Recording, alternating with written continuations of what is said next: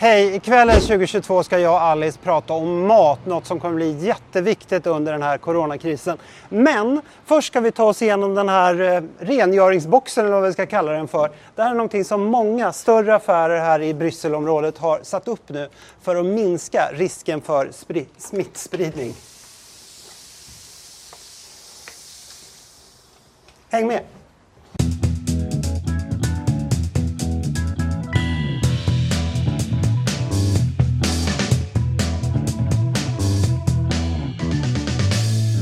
Är det mycket du ska handla? Ja, eller en del i alla fall till, till resten av veckan. Och ja, du? Jag ska mest ha lite frukt. Jag lever ju på frukt som du vet. Läste du FN-rapporten som kom i tisdags? Ja, förskräcklig. Alltså den här om, om risker för svält. Verkligen bibliska proportioner på den här svälten om det nu blir som... Ja, alltså enligt FN så är det idag, eller före pandemin, så är det 135 miljoner människor som lider av akut matbrist av svält. Det kommer hela 265 miljoner människor eh, svälta. Det är fruktansvärt. Det är ofattbart mycket människor. Det är alltså nästan ungefär halva Europas befolkning. Nu beror det här inte bara på coronakrisen. Det beror på andra saker också såklart. Det är krig i delar av världen. Eh, Jemen, Sydsudan. Vi har klimatförändringarna som leder till att det blir svår torka och därmed sämre skördar på vissa platser. Och så dessutom, Alice, har du hört talas om den här förskräckliga gräshoppsvärmen i östra delar av Afrika som äter upp all mat, även det av verkligen bibliska proportioner? Ja, nej men det finns ju liksom ingen ände på komplexiteten.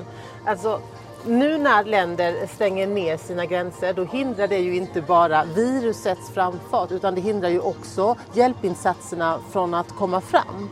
Jag menar, FNs budget påverkas ju också av det faktum att det är en ekonomisk kris och det kan ju inte någon ha missat. Och som, som lök på laxen då, den här svårigheten med att allt eh, färre människor får, eller allt fler människor får det svårare att sätta mat på bordet. Exakt. Människor, inte bara i Sverige och Europa, blir utan arbete, får sämre ekonomi, har inte råd att köpa mat. Vi förhindrar mat att transporteras genom att gränser stängs, inte bara här i Europa utan runt omkring i hela världen.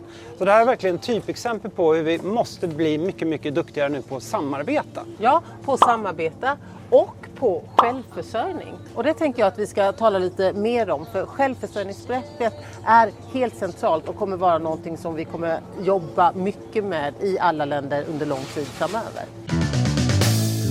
Förenklat kan man säga att självförsörjningsbegreppet handlar om hur bra ett land skulle klara sig om man stänger ner allt. Om ingen import görs och ingen export bedrivs.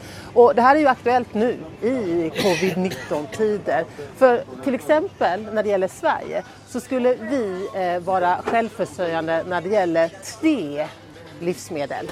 Det är socker, morötter och spannmål. Det är allt. Och man brukar ibland säga att Sverige är självförsörjande till ungefär 50 procent men det där är ju en sanning med modifikation. För om man tar hänsyn till att vi är så enormt beroende av till exempel olja, drivmedel eh, eller saker, andra resurser som behövs i jordbruket för att få det att fungera, då ligger självförsörjningsgraden mycket, mycket, mycket, mycket lägre än så. Mm. Och när vi talar om självförsörjning så behöver man ju också tala om beredskapslager, för det är ju någonting vi verkligen behöver. Vi behöver ju beredskapslager, vi behöver förbered vara förberedda på just kriser för att kunna försörja vår befolkning med li nödvändiga livsmedel.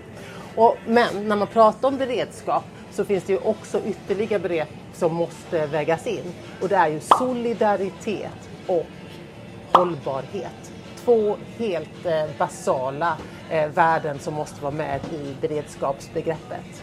Exakt, för med hjälp av den solidariteten vi kan ha, om vi själva känner oss trygga med att vi faktiskt kan försörja oss i Sverige, då blir det mycket, mycket lättare också för oss att stötta andra länder var det precis det här som hände nu i början av krisen när Spanien och framförallt Italien ropade efter hjälp när det gällde, inte mat då, men hjälp i sjukvård när det gällde sjukvårdsutrustning. Då började andra länder i Europa känna att, ja men kan vi ge bort saker eller räcker det inte till oss själva? Och så helt plötsligt så började Europa, alltså EU som verkligen är byggt för att gränserna ska vara öppna, stänga gränserna för man blev egoistiska och rädda. Ja. Och det är precis det här som inte får hända. Nej. vi måste ha en förstärkt självförsörjning men vi måste också vara solidariska och vara förberedda på att kunna hantera en solidaritet. Vilket vi uppenbarligen inte gjorde i det aktuella fallet. Verkligen inte. Därför hänger ju allt det här ihop med hela hållbarhetsbegreppet.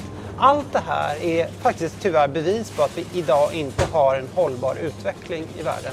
Vi måste bli duktigare på att hjälpa varandra.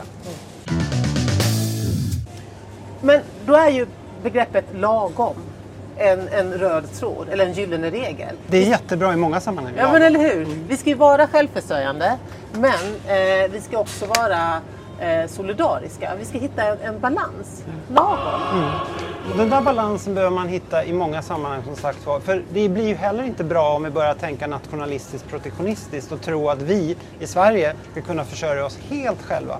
För vad händer då om det blir till exempel missväxt i Sverige på grund av torka eller något annat under en eller två säsonger? Så vi måste hitta samarbetsformer och hjälpas åt. Nu ska Alice få hjälpa mig att hitta någon schysst falafel som inte innehåller soja. Jag tycker det är så svårt att hitta det. Gör själv.